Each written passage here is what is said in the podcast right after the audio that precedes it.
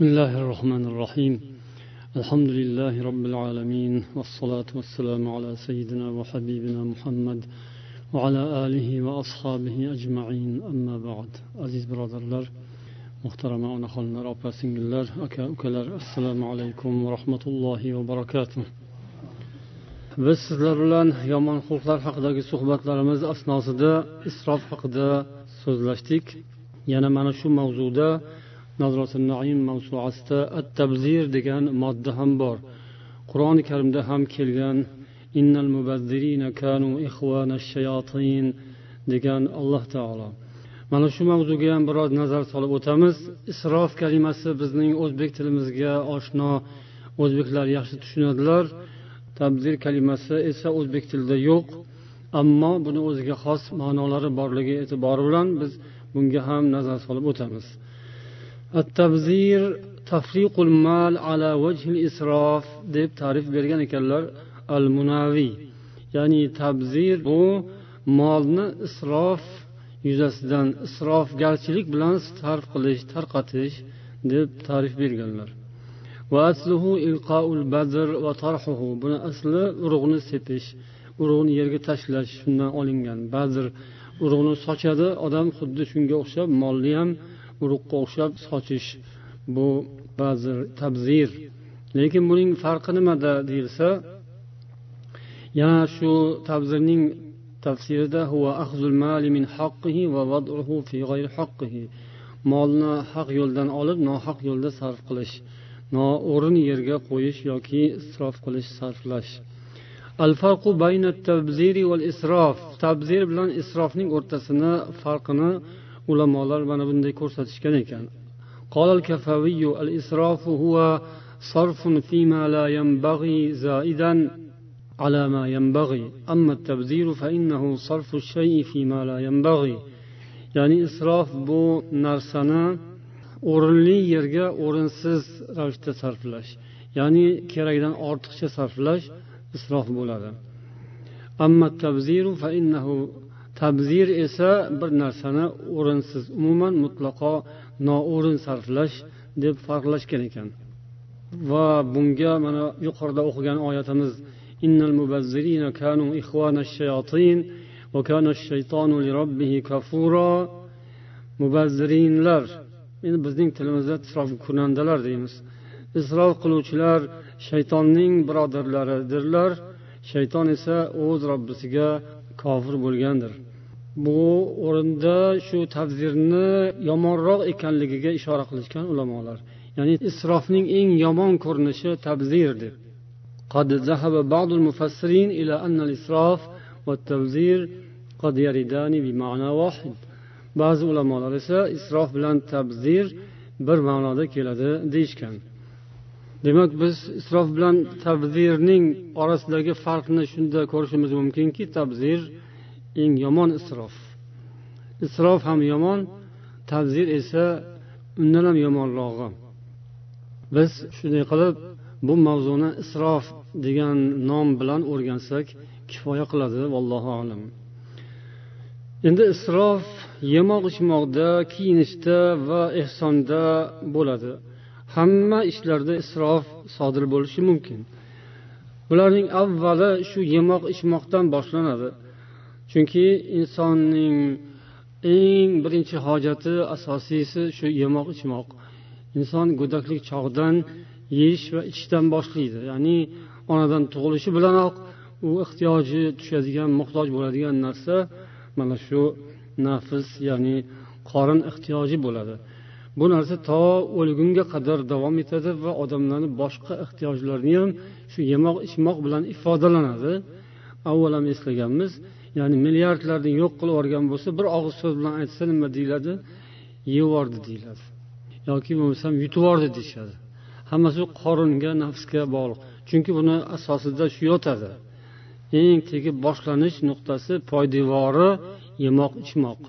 Shuning uchun isrofni ham mana shu nuqtadan boshlab o'rgangan afzal haqiqatdan ham shunday ekanligi rost. Inson o'sha nafsini ko'yiga tushgandan keyin isrof qilishga boshlaydi mana bu hadislardan shularni xulosa qilib olishimiz mumkin عن عبد الله بن عمرو بن العاص رضي الله عنهما أنه قال قال رسول الله صلى الله عليه وسلم كلوا وتصدقوا والبسوا في غير إسراف ولا مخيلة رواه النسائي رسول الله صلى الله عليه وسلم aytdilar yengiz ehson qilingiz kiyingiz isrof va mutakabbirlikdan saqlangan holda bu ishlarni qilingiz dedilar demak yeb ichish keyin ehson qilish atrofga boshqalarga muruvvat qilish va kiyinish va hokazo bularning hammasi isrofsiz va mutakabbirlik ya'ni o'zini ko'rsatish maqtanchoqlikdan saqlangan holda bo'lishi kerak عن ابن عمر رضي الله عنهما أنه كان لا يأكل حتى يؤتى بمسكين يأكل معه عبد الله بن عمر ovqatlansalar biror bir miskinni birga hozir qilmasdan ovqatlanmasdilar albatta bir miskinni topib kelishardi u kishiga sherik qilib bir kuni bir odam kirib birga ovqatlana boshladi ya'ni olib kelishdi haligi odam bilan ovqatlanib bo'lgandan keyin qarasalar judayam ko'p ovqat yer ekan shundan keyin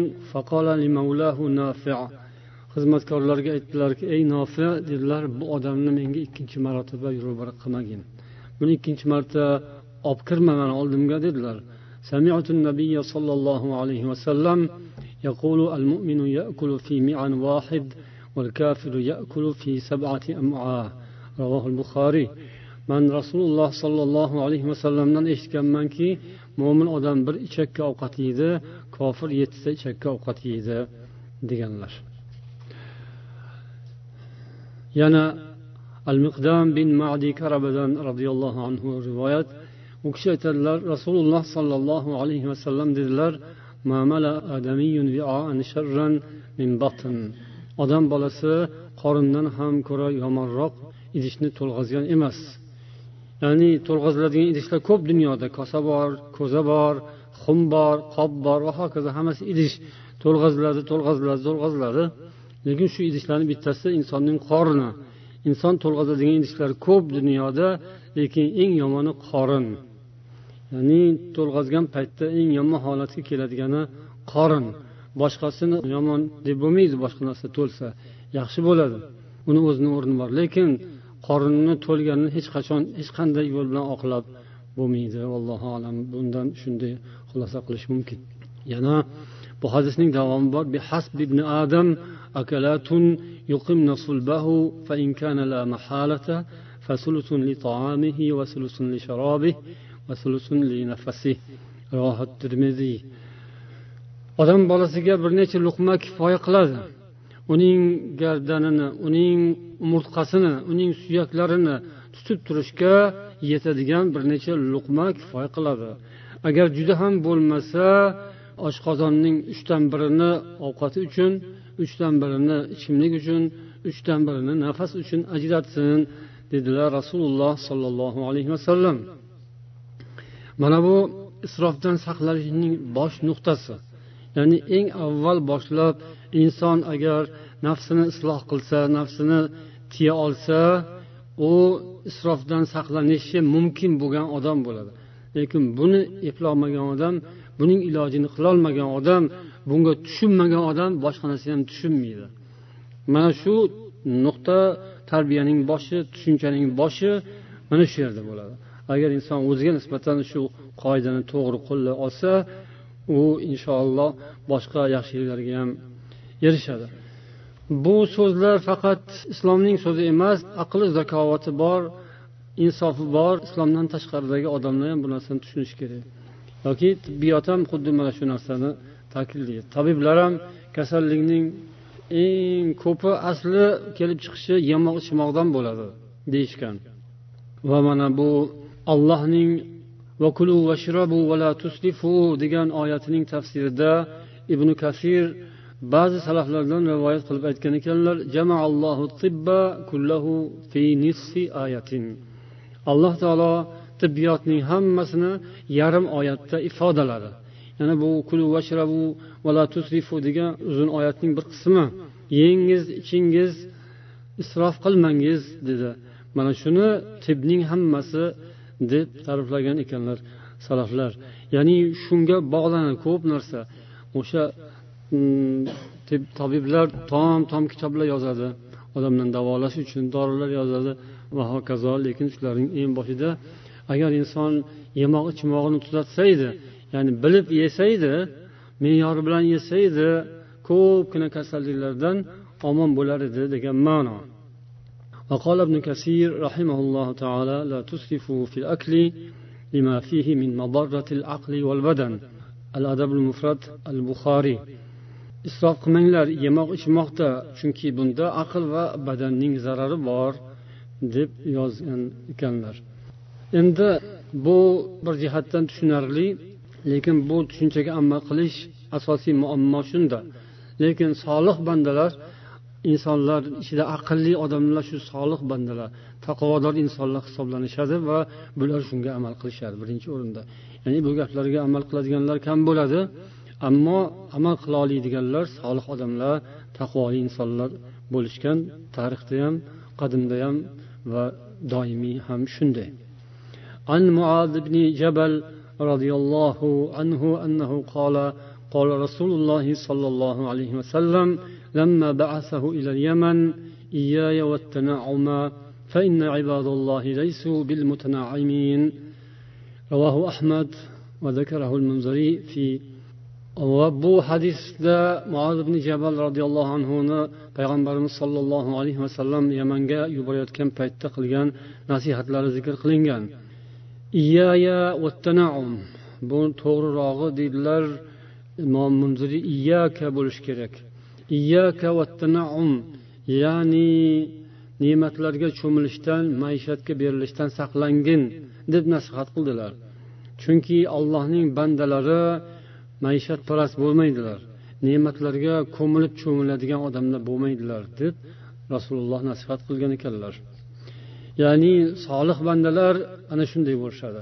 Yani ne'mat halol muboh lekin o'shanga cho'milib ketish bu solih odamlarni allohning yaxshi ko'rgan bandalarining sifati emas ularni xulqi bunaqa bo'lmaydi عن أبي عثمان قال كتب إلينا عمر بن عمر ونحن بأذربيجان يا عتبة بن فرقد biz deydilar abu usmon ozarbayjonda jihodda yurgan paytimizda umar bizga xat yo'lladilar o'sha xatda yozdilar ey utba ibn farqat إنه ليس من كدك ولا من كد أبيك ya'ni bu xatni boshlanishi uzun. Oxirroqda hozirgi mavzuga aloqador nuqtasi shu yerdaki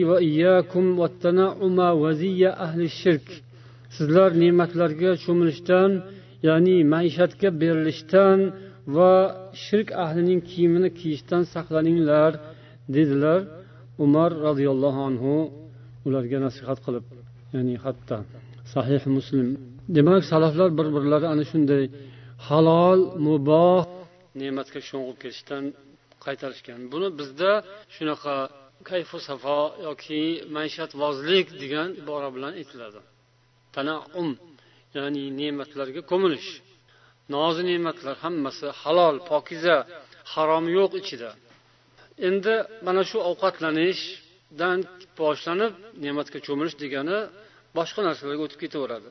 ya'ni ne'mat faqat ovqatni o'zi emas balki kiymoq yurmoq turmoq uy tutmoq minmoq va hokazo narsalar hammasi ne'mat va bularga munosabat mo'min odamda to'g'ri chiroyli bo'lishi kerak mana bu hadisda ham ushbu ma'no yana ham chiroyliroq ifodalanadi عن عبد الله بن بردة أن رجلا من أصحاب النبي صلى الله عليه وسلم رحل إلى فضالة بن عبيد وهو بمصر rasululloh sollallohu alayhi vasallamning sahobalaridan birlari fadola ibn ubayd roziyallohu anhu misrda turgan paytlarida u kishini oldiga safar qilib bordi buni abdulloh bin burda rivoyat qilganlar fadola bin ubayd rasululloh sollallohu alayhi vasallamning olim sahobalaridan birlari bo'lganlar yoshlari kichikroq bo'lgan keyinchalik bir qancha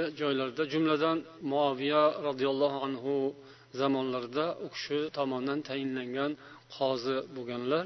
Ba'zi o'rinlarda shu muoviyada o'rinlarida o'rinbosar bo'lib turar ekanlar u kishi safar qilgan paytlarida. Bir muddat misrda ham qozi bo'lganlar. O'sha paytda oldilariga bir kishi keldilar. Ular ham sahobalardan ekanlar. Inni lam atika zairan. men sizni shunchaki bir ziyorat qilib ko'rib ketish uchun kelganim yo'q dedi haligi odam أتيتك لحديث بلغني عن رسول الله صلى الله عليه وسلم رجوت أن يكون عندك منه علم من رسول الله دان menga yetgan bir hadis yuzasidan sizdan so'ragani keldim mana shu borada siz biror narsa bilsangiz kerak deb umid qilaman deb bordi ya'ni bir hadisni so'rash uchun u kishi borgan edi qarasa haligi odam ya'ni fadolani soch soqollari to'zg'igan bir g'alati kayfiyatda holatda ko'rdi mali va anta amirul balad siz bu mamlakatni amiri bo'la turib nimaga bunaqa holatda yurasiz deb so'radi قال إن رسول الله صلى الله عليه وسلم كان ينهانا عن كثير الإرفاه u kishi aytdilarki payg'ambarimiz sollallohu alayhi vasallam bizni ko'p o'ziga oro berishdan qaytarar edilar. Kasirul irfoh yana quyiroqda buni ma'nosi keladi. Irfoh huwa kasratu tadahhun va tanaum ko'p o'zini moylash yoki atir surish o'ziga xushbo'y surish va o'ziga oro berish o'ziga ko'p ziynat berish zeb berish. Keyin yana haligi odam so'radi yalang oyoq holda ko'rdi. Haligi kishi kamida qoziy misrning qozisi bu kishi amirul balad deb aytyapti.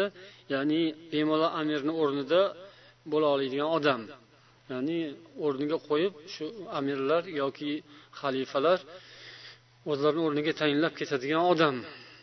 Yalang oyoq mali aroka nimaga siz yalang oyoq yuribsiz? deb so'radi. قال إن رسول الله صلى الله عليه وسلم أمرنا أن نحتفي أحيانا rasululloh sollallohu alayhi vasallam bizni ba'zida yalang oyoq yurishga buyurardilar dedilar mana shu hadisdan ham biz yuqoridagi ma'nolarni o'qishimiz mumkin ya'ni bu ham isrof gunandalikni oldini oladigan xulq isrofga beriladigan odamlar ovqatdan tortib kiyim boshigacha uy joyiyu moshinasiyu markabiyu hamma hammasiga ko'p ziynat beradi ko'p zeb beradi. Har bir ignasiga har bir zarrasiga e'tibor beradi va o'sha joyida bo'lishi kerak o'rnida bo'lishi kerak chiroyli bo'lib turishi kerak mukammal bo'lishi kerak biron bir kamchilik bo'lmasligi kerak nuqsoni bo'lmasligi kerak va shunga u nimani sarf qiladi? Avvalo aqlini sarf qiladi vaqtini sarf qiladi umrini sarf qiladi keyin pulni sarf qiladi topgan tutganini sarf qiladi va bu aynan isrofga olib boradi. Shuning uchun ba'zi holatlarda doimiy emas o'tgan safar ham aytdik doimiy emas o'zini juda ko'rimsiz xunuk alpozga solib yurish emas lekin o'zini judayam bir bejirim bashan qilib yurish ham emas. Goho unday goho bunday. Ora orada sal mana shunday oddiylik soddalik zohir bo'lishi yaxshi ya'ni solihlik alomati taqvo alomati va salaflarni xulqlari mana shundan iborat rasululloh ham shuni aytdilar الترجل هو تسريح الشعر وتنظيفه وتحسينه yana bu yerda shu sharhlangan kalimalar keladi tarajjul ya'ni sochu soqolni tarash uni taroshlash deydi o'zi sartarosh degan kalima ham shundan tarashlab ya'ni chiroyli qilib yurish bejirim qilib yurish Bu ham doimiy bo'lishdan qaytarilgan. Goho goho ahyon ahyonda unaqa bunaqa bo'lishi kerak. Yoki ba'zi ulamolar bir kun undoq bir kun bundoq deyishgan bir kun tarash kerak bir kun taramaslik kerak. Bu ya'ni tarkul irfoh shu. Ya'ni o'ziga oro berishni tark etish shu. Endi ba'zi odamlarda haqiqatdan odat bo'ladi har kuni albatta oynani ro'barasiga o'tirib olib suvni sharlatib bir chelak suv oqizib soqol qilib tashlash kerak. Yoki u qilish kerak bu qilish kerak. Mana bu narsa mo'min odam taqvoli odam solih odamning ishi emas. Ahyon ahyon hech bo'lmasa bir kun undoq bir kun bundoq bir kun tegmaslik kerak bo'ladi.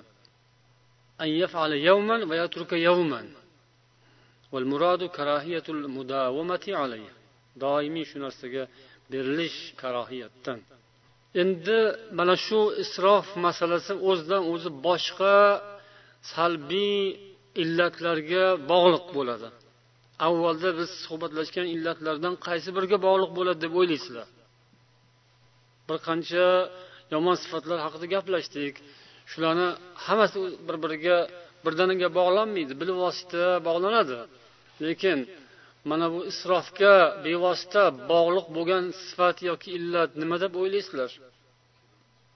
Kibr to'g'ri bu ham hali bu haqda gapirmadikku lekin kibrga bog'lanadi.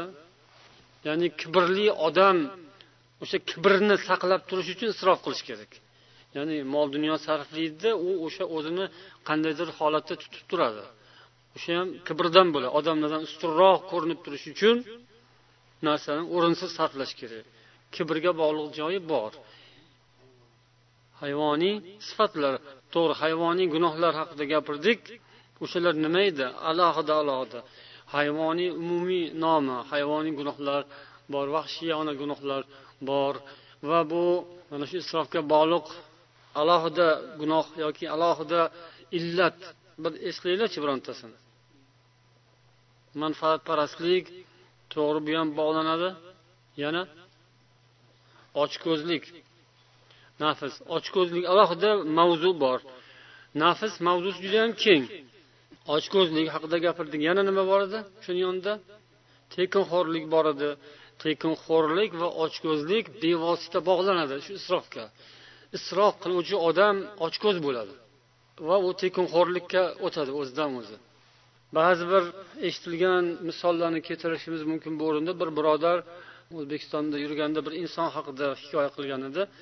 U aytgan ekan bola tarbiyasida bola nimani istasa yo'q demasdan berish kerak nimani yeyman desa yedirish kerak nimani olib ber desa kiyaman desa kiydirish kerak. Bo'lmasa bolani ko'zi och bo'lib qoladi. Yoshligidan boshlab to'yg'azib borsa aytganini qilib to'kin sochin qilib qo'yilsa u ochopat bo'lmaydi. Ya'ni hammasini ko'rgan man hammasini ko'rganman deb go'yoki ko'zi to'q bo'ladi. Shuning uchun yoshligidan boshlab unga to'kish kerak. Ko'proq ko'proq bersa katta bo'lgandan keyin hali ko'rmaganni ko'rgani qursindan bo'lmaydi. Haqiqatdan ba'zan odam hech narsani ko'rmay birdaniga ko'rib qolsa o'zini tashlab yuboradi u yomon. O'shandan saqlash uchun boshdan boshlab ko'proq ko'proq berish kerak degan falsafada ekan. Shunaqa tushunchada bo'lganini. Lekin bu yo'li oxirida noto'g'ri bo'lib chiqqanini hikoya qilganlar. Ya'ni nimani istasa yo'q demasdan olib berish kerak toki ko'zi och bo'lib qolmasin ammo o'sha odamni farzandi unaqa ko'zi to'q bo'lib chiqmadi degan misolni keltirgan edi o'sha birodar. Ya'ni yoshligidan boshlab yedirgan ichirgan kiydirgan to'kib sochgan to'q bo'lsin deb lekin u to'q bo'lmagan. Chunki u o'shanga o'rgangan endi. O'shandoqcha ketish kerak u u kutilgan natijani bermagan.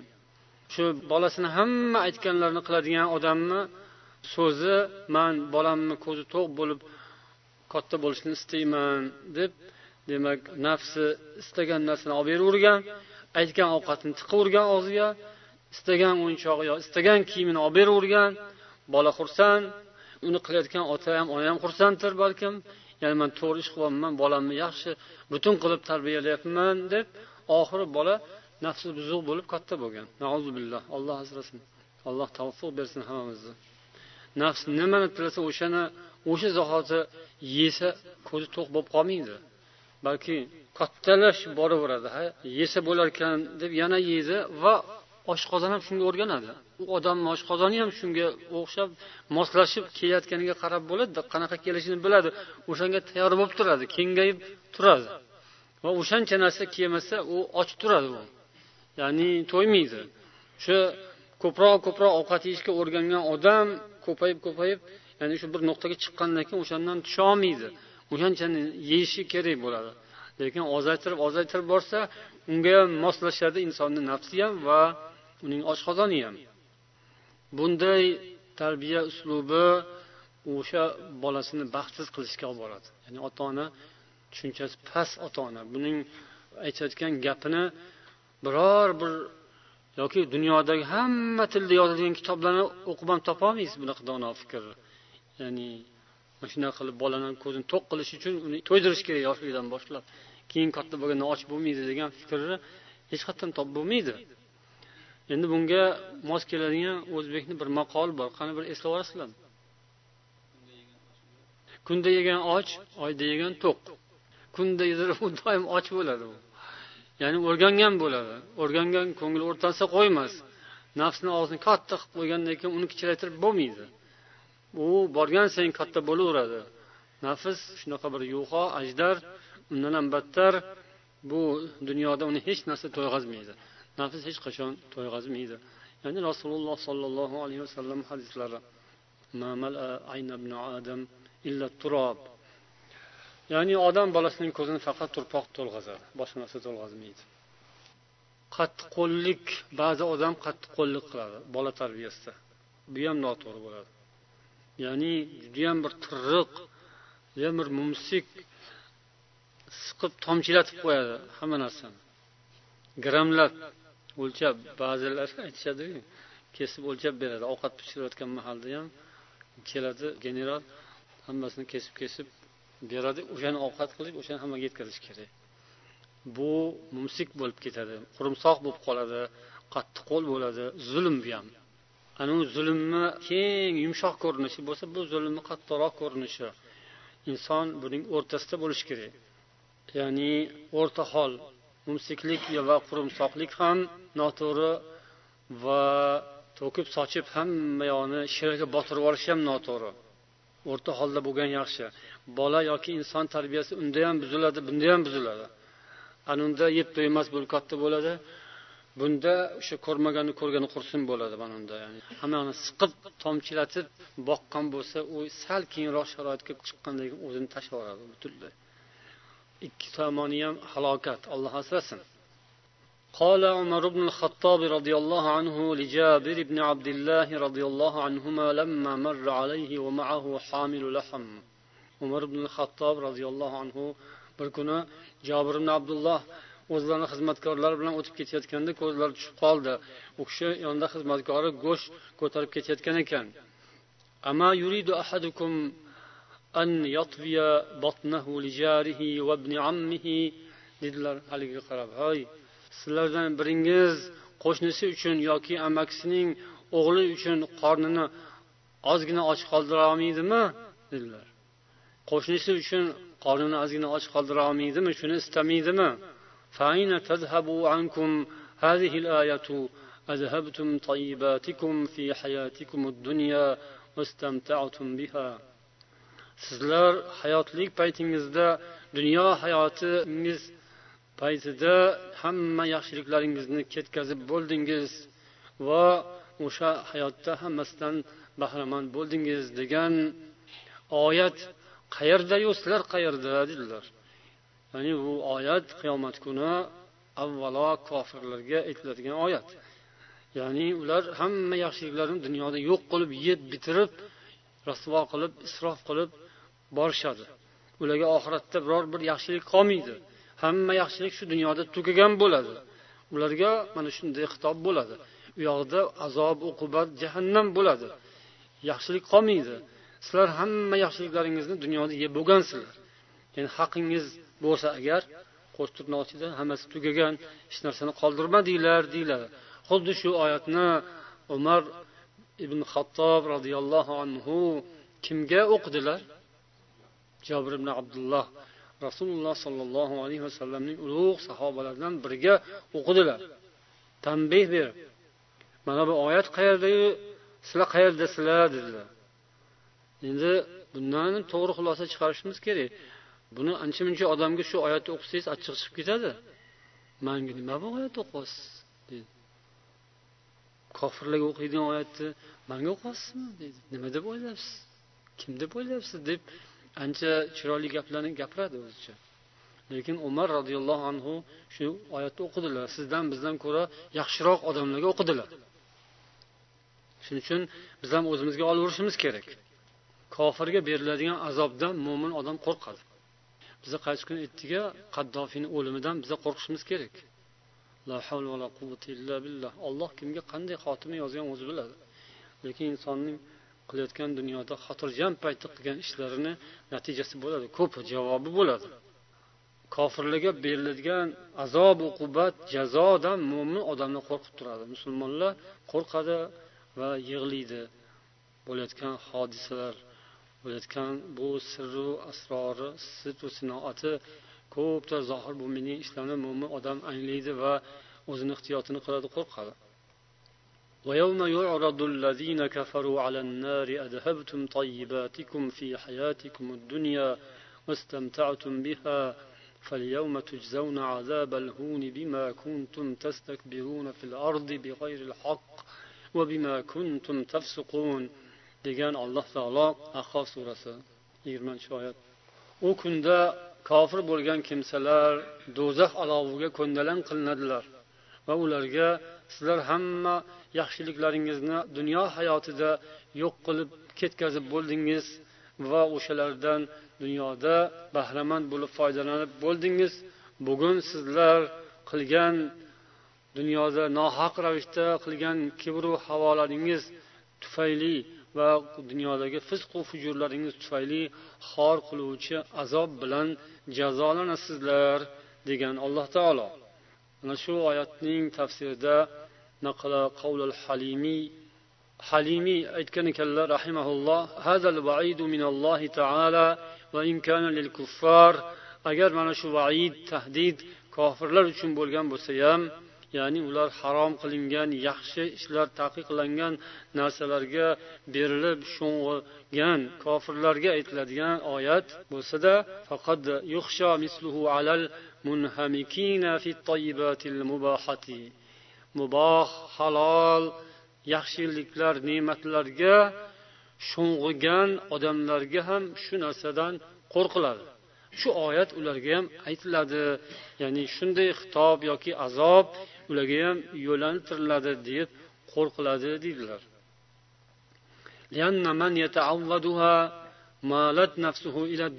Chunki shu ne'matlarga rohatu farog'atga ayshu ishratga kayfu safoga yengil hayotga yumshoq hayotga o'rgangan odamning nafsi dunyoga moyil bo'ladi. Nafs shunaqa narsa u o'rganadi nafs. Nafs qattig'iga ham o'rganadi. Nafs yumshog'iga ham o'rganadi.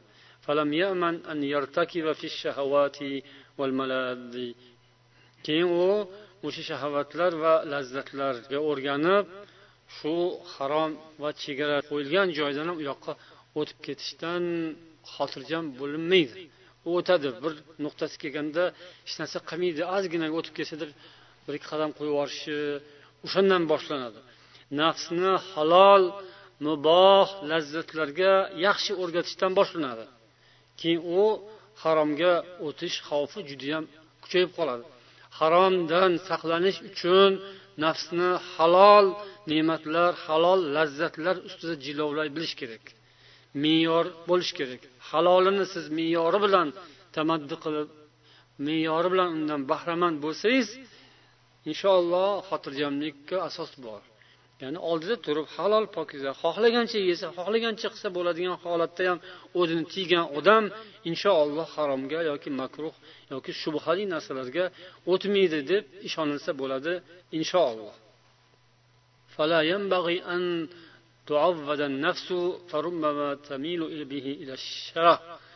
nafsni hamma yaxshilikka o'rgataverish kerak emas ya'ni mubohga u sharafga o'tadi ochko'zlikka o'tadi. nafsiga isrof qilgan odam ochko'z bo'ladi ya'ni nafsi to'ymaydigan bo'ladi uning keyin to'g'irlab olish qiyin bo'ladi من من أول الأمر على على السداد فإن ذلك أهون من أن تدرب على الفساد ثم يجتهد inson ishni boshidan boshlab nafsini qo'lga olib to'g'ri yo'lga solishi yaxshi oson u fasodga yaqinlashib qolgandan keyin harakat qilib tirmashib talashib yugurib uni to'xtataman degandan ko'ra u ancha qiyin bo'ladi. Demak isrof yemoq ichmoqda hayot turmush tarzida kiyinishda uy tutishda hamma narsada isrof bor va bundan insonlar saqlanish kerak. Endi bu yerda bir misol bor ekan.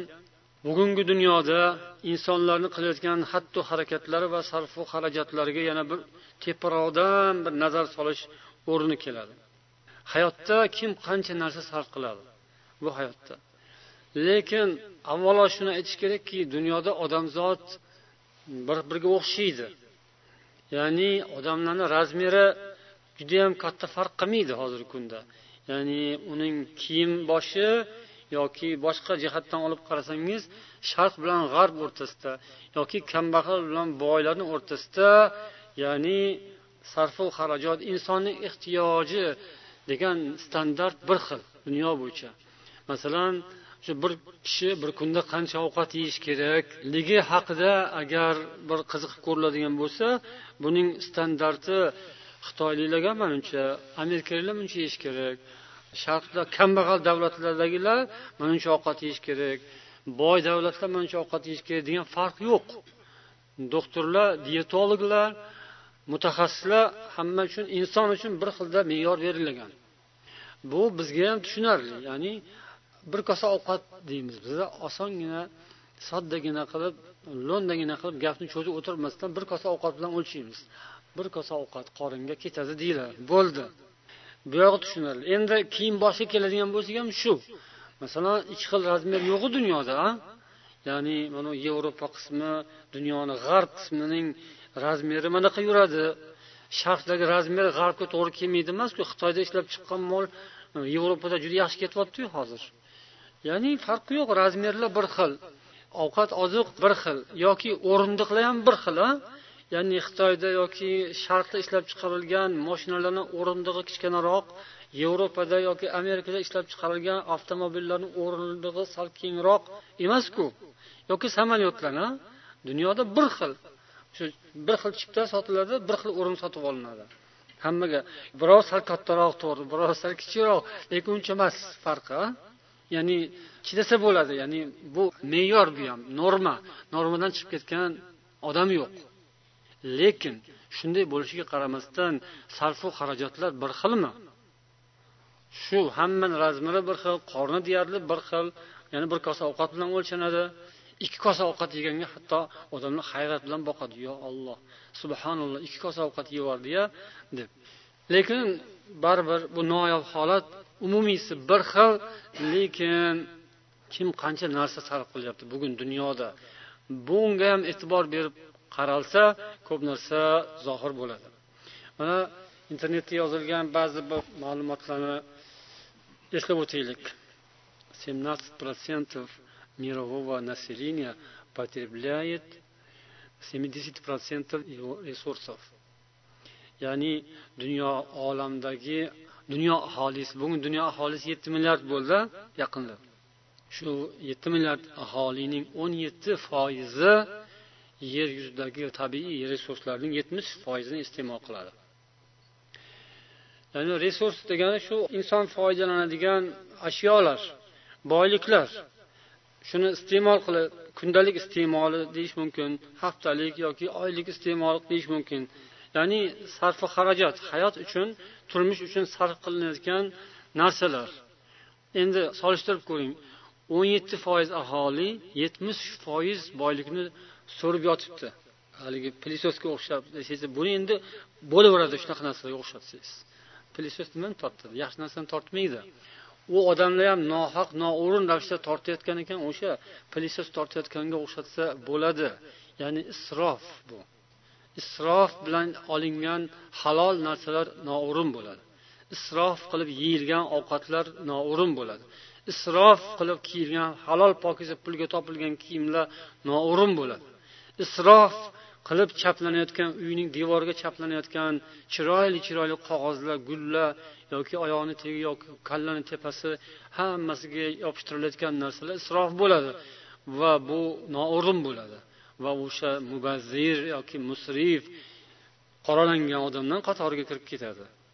Qarang dunyodagi kulfatlar nima uchun? Mana sabablardan avvalgi suhbatimizda aytdik ya'ni maqsadsiz halokat bu isrofgarchilik. Odamni maqsadi nima ekanligini bilmaysiz. Maqsadini tilga olishga arzimaydigan maqsad. Shuning uchun noma'lum deyiladi. Ya'ni nafs faqat.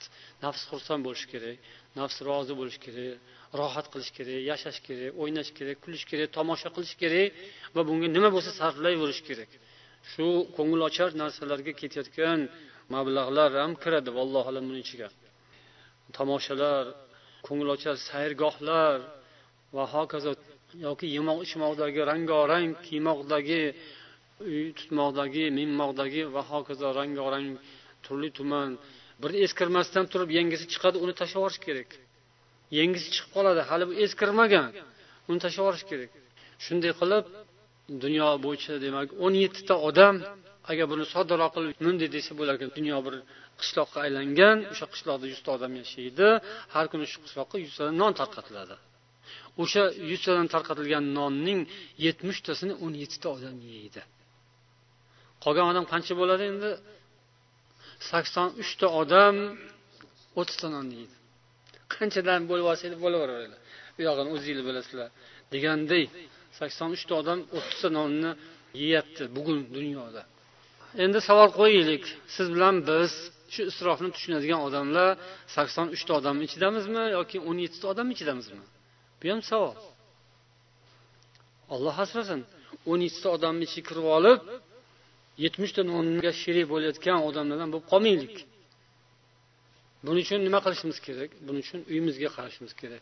Ko'chadan qidirishimiz kerak emas buni javobini. Uydan qidirish kerak. Bizni uyimizda xarajatlarimiz qanaqa bo'lyapti? Sarflarimiz qanaqa bo'lyapti? Sarf xarajat hammasini qo'shib hisoblash kerak. Ovqatdan boshlab kiyim bosh va uy suv sarflaymiz chiroq sarflaymiz uylarni sarflaymiz uylarni bezaymiz uylarni jihozlaymiz mebellarni almashtirib turamiz tez tez eskirib qoldi rangi yoqmay qoladi yoki bir ko'rinishi yoqmay qoladi modadan qoladi. Va hokazo ovqatlarni yengisi chiqibdi eshitdingizmi palonchi mana qanday ovqat qilishib bilar ekan. Yo bo'lmasam har xil pishiriqlar chiqib turadi yangi yangi yoki kiyim boshlar chiqib turadi yangi yangi. Hammasidan orqada qolib ketmaslik kerak ba'zi odam. Orqadan qolib ketsa qaysi kuni aytganimizda yig'lashga boshlashadi ko'ngillari o'ksib qoladi. Darrov ko'zlariga yosh keladi tillari sayrab ketib qoladi. Alloh taolo hammamizga o'zi tavfiq hidoyat bersin. Bu dunyo vaqtincha o'tadigan ketadigan dunyo va shu dunyoda chiroyli hayot kechirib eng yaxshi kunimiz oxiratda bo'lsin. Oxirat sizga birinchisidan ko'ra yaxshiroqdir. Degan alloh taolo eng yaxshi insonga. Eng yaxshi inson uchun eng yaxshi narsa oxiratda. Eng yaxshisi shu dunyoda bo'lsin degan odam albatta eng yaxshi odam emas u. Yaxshi odam emasligi ko'proq. Oxirat yaxshiroq va abadiyroqdir. Bu dunyoniki o'tadi ketadi. Oxirat uchun bo'lsin biz asosiy e'tiborimiz. Demak isrof hamma ishda bo'ladi bo'lyapti. Va bo'ladigan ko'p musibatlar mana shunga bog'liq. Ya'ni endi sizlar dunyodagi kambag'al millatlarni ko'ringlar. Mana ko'ryapsizlar ko'ryapmiz internetda o'sha videolarini ko'rib odam titrab ketasiz. Ya'ni somalida ocharchilik hukm suryapti.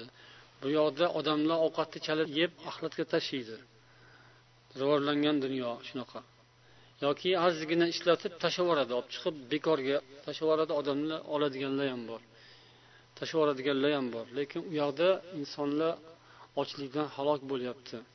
Bolalarni suratlarini ko'rgandirsizlar ya'ni o'lmagan endi insonning joni qattiq deydigan tomoni ham boru gap yoki olloh rizqida yozgani tugamaganda shuning uchun hali yashayapti ya'ni qumda yotibdi bolalar. Ya'ni faqat ustida yarim kiyimi bor xolos yarim yoq kiyimi yo'q. Tepasida bir ayol yig'lab turganini ko'rdinglar ya'ni shu ko'rinishdan yevropaliklardan bittasi. O'zini tutolmay yig'layapti. O'sha bolalar qumda xuddi bir qanaqadir bir mavjudotga o'xshab qumni orasida sudralib yotibdi. Ya'ni uni ko'rgan odam o'limga qarab ketyapti bu yaqinda jon topshirsa kerak deb o'ylaydi. O'shani ko'rib ham ular yig'layapti.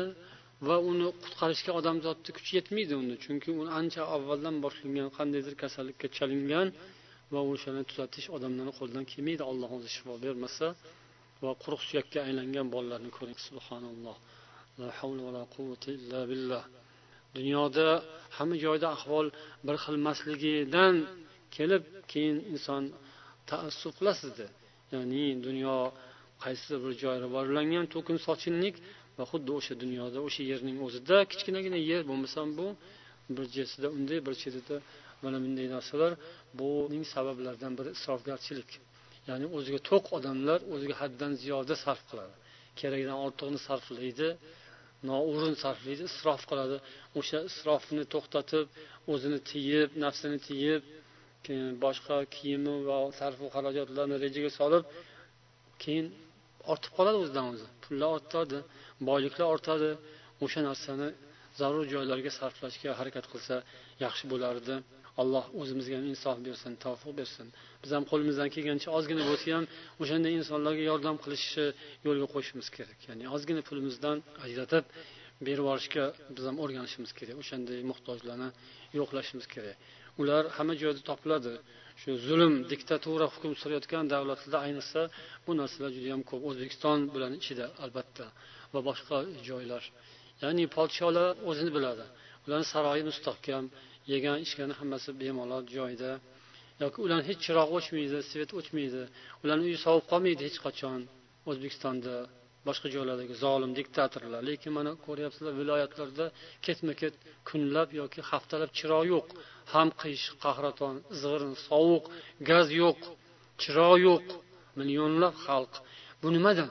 Bu ham isrofdanda ham baxillik ham ochko'zlik ham isrof. Bir biriga bog'liq narsa. O'sha tepada o'tirgan baxil baxillar o'tiribdi tepada. Va ochko'zlar o'tiribdi tepada. Isrofgarlar o'tiribdi tepada. O'sha topilgan xalqning mehnati bilan kelgan pullar milliardlar o'sha hukumatni saqlashga ketyaptida. Armiyaga milliy xavfsizlik xizmatiga militsiyaga prokuratura sud xalqni jazolaydigan o'ldiradigan qiynaydigan qamoqqa soladiganlarga pul kerakku u o'zidan o'zi bo'lmaydiyu. Bir og'iz so'z bilan qama desa qamalavermaydi o'ldir desa o'ldirmaydi uni asbobi kerak. Qamoqlardagilarni saqlaydigan asboblar kerak xarajat bular hammasi. Noo'rin xarajatlar isrof bular. Yoki o'sha prezidentlarni yoki vazirlarning saroylarini saqlashga qancha narsa ketadi hammasi isrof mana shular. O'sha o'zingga ozroqni sarfla xalqqa ko'prog'ini ber xalqni to'yg'az xalqni to'ldir chiroqlarni yoq gazlarni yoqib ber gazlarni sotishni to'xtat tillani oltinni sotishni to'xtat hammasini xalqqa sarflagin. Ana u keyin sani ham hayoting shu bilan ta'minlanardi o'zingga ham judayam ko'p qo'rqmasang bo'lardi o'shanda ya'ni militsiyayu xavfsizlik xizmatiyu armiyaga sarflaydigan xarajatlarni ancha munchasi bo'shagan bo'lardi ya'ni isrof bilan ketayotgan pullar joyiga tushgan bo'lardi alloh o'zi tavfiq hidoyat bersin قال ابن القيم رحمه الله تعالى إن مجاوزة الحد في كل أمر يضر بمصالح الدنيا والآخرة ibn qayyim rahimaulloh aytadilarki haddan oshish hamma ishda nima ish bo'lishidan qat'iy nazar. Ya'ni buni chegarasi yo'q hamma ishda haddan oshish dunyo va oxirat manfaatlariga zarar keltiradi. Bal yafsudul badanu aydan yoki insonning tanasi ham fasodga uchizdan chiqadi. Va hada muttaridun aydan fil af'alil tabi'iyyati tabiiy ishlarda ham isrof bor. u tepani gapiring pastni gapiring hamma joyda bor hamma o'zini tuzatishi kerak podsholar ham oddiy odamlar ham siz bilan biz ham o'zimizni tuzatishimiz kerak mana bu yoqqa hammaga taalluqli kannavmi والسهر والأكل والشرب والجماع والحركة والرياضة والخلوة والمخالطة وغير ذلك إسراف hamma ishda uyquda ham isrof bor uyqusizlikda ham isrof bor kim uxlab isrof qiladi vaqtini Kimki uxlamasdan isrof qiladi vaqtini. Uxlash kerak bo'lgan vaqtda uxlamaydi ba'zilar. Keyin hamma ishga chiqqanda hamma dars qilayotganda uxlaydi kimdir mana bu isrof vaqtini bilmaydi u. Qachon uxlab qachon turish.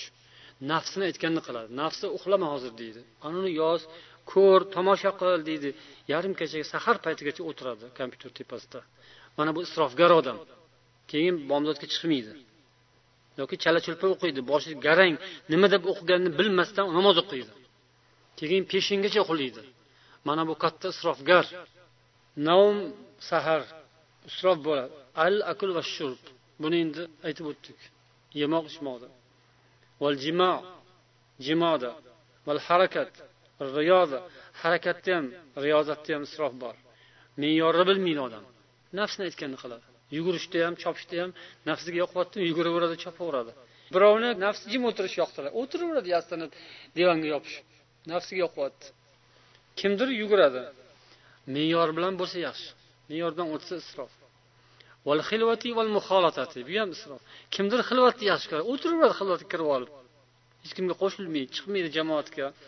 Odamlarga qo'shilmaydi. Kimdir odamlarni ichidan kelmaydi choyxonadan kelmaydi. O'tiraveradi. Qayerda bir gap bo'lsa o'sha yoqqa borib o'shalarga qo'shilib o'tiraveradi gap sotib gap olib gap yeb. Bular hammasida isrof bor. Insonda aql bo'lsin ilohim tavfiq hidoyat bo'lsin. Hamma ishni o'rtachasini alloh nasib etsin.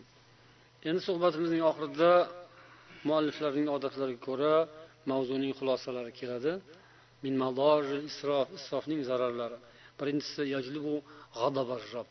parvardigorning g'azabini chaqiradi haqiqatdan olloh tavfiq hayot berib aql berib shuncha narsani bersayu bandasi ahmoq bo'lib isrof qilsa allohni g'azabini keltiradi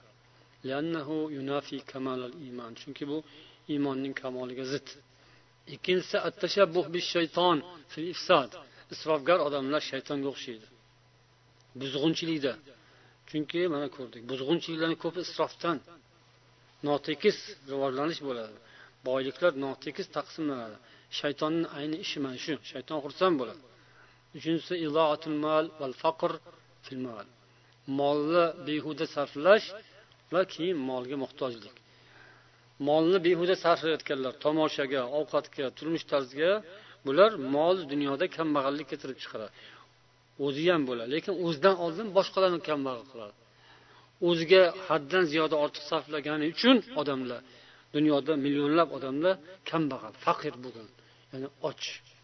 Ularni o'sha boylar ishlatadi.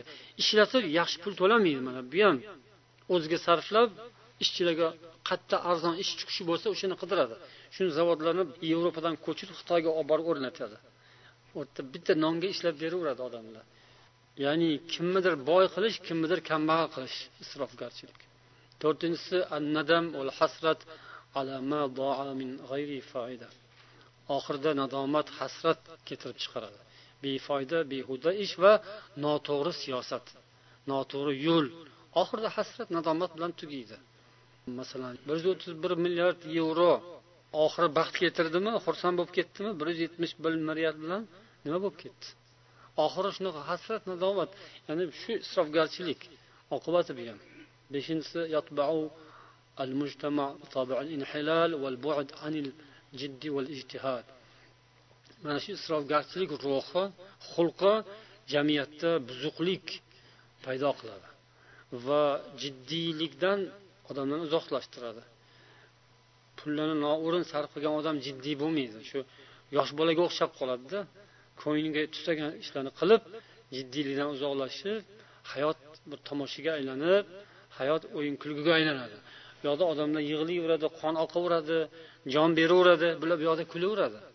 Bular bu yoqda hayotini shu yengil yana ham yengilroq yana ham chiroyliroq o'tkazishga harakat qilaveradi.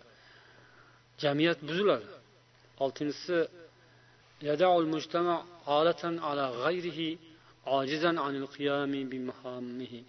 jamiyat o'zidan boshqa ya'ni begonaga qaram bo'ladi. Va o'zini muhim vazifalarini bajarishdan ojiz bo'ladi. Ya'ni o'sha isrofgarchilik qayerda bo'lsa ham bu sharqu g'arb farqi yo'q. Ya'ni o'sha jamiyatlar borib borib inqirozga yuz tutadi. Mana shu isrofgarchilik oqibatida va boshqalarga qaram bo'lib qoladi. Alloh taolodan hammamizga to'g'ri yo'l hidoyat nasib etishini so'raymiz. Ilohim qalbimizga alloh nur ato qilsin va o'zi rozi bo'ladigan tarzda hayot kechirishimizni bizga ham farzandlarimizga ham muyassar aylasin. اللهم صل وسلم على نبينا محمد وعلى آله وأصحابه أجمعين. سبحانك اللهم وبحمدك. أشهد أن لا إله إلا أنت أستغفرك وأتوب إليك. والسلام عليكم ورحمة الله وبركاته.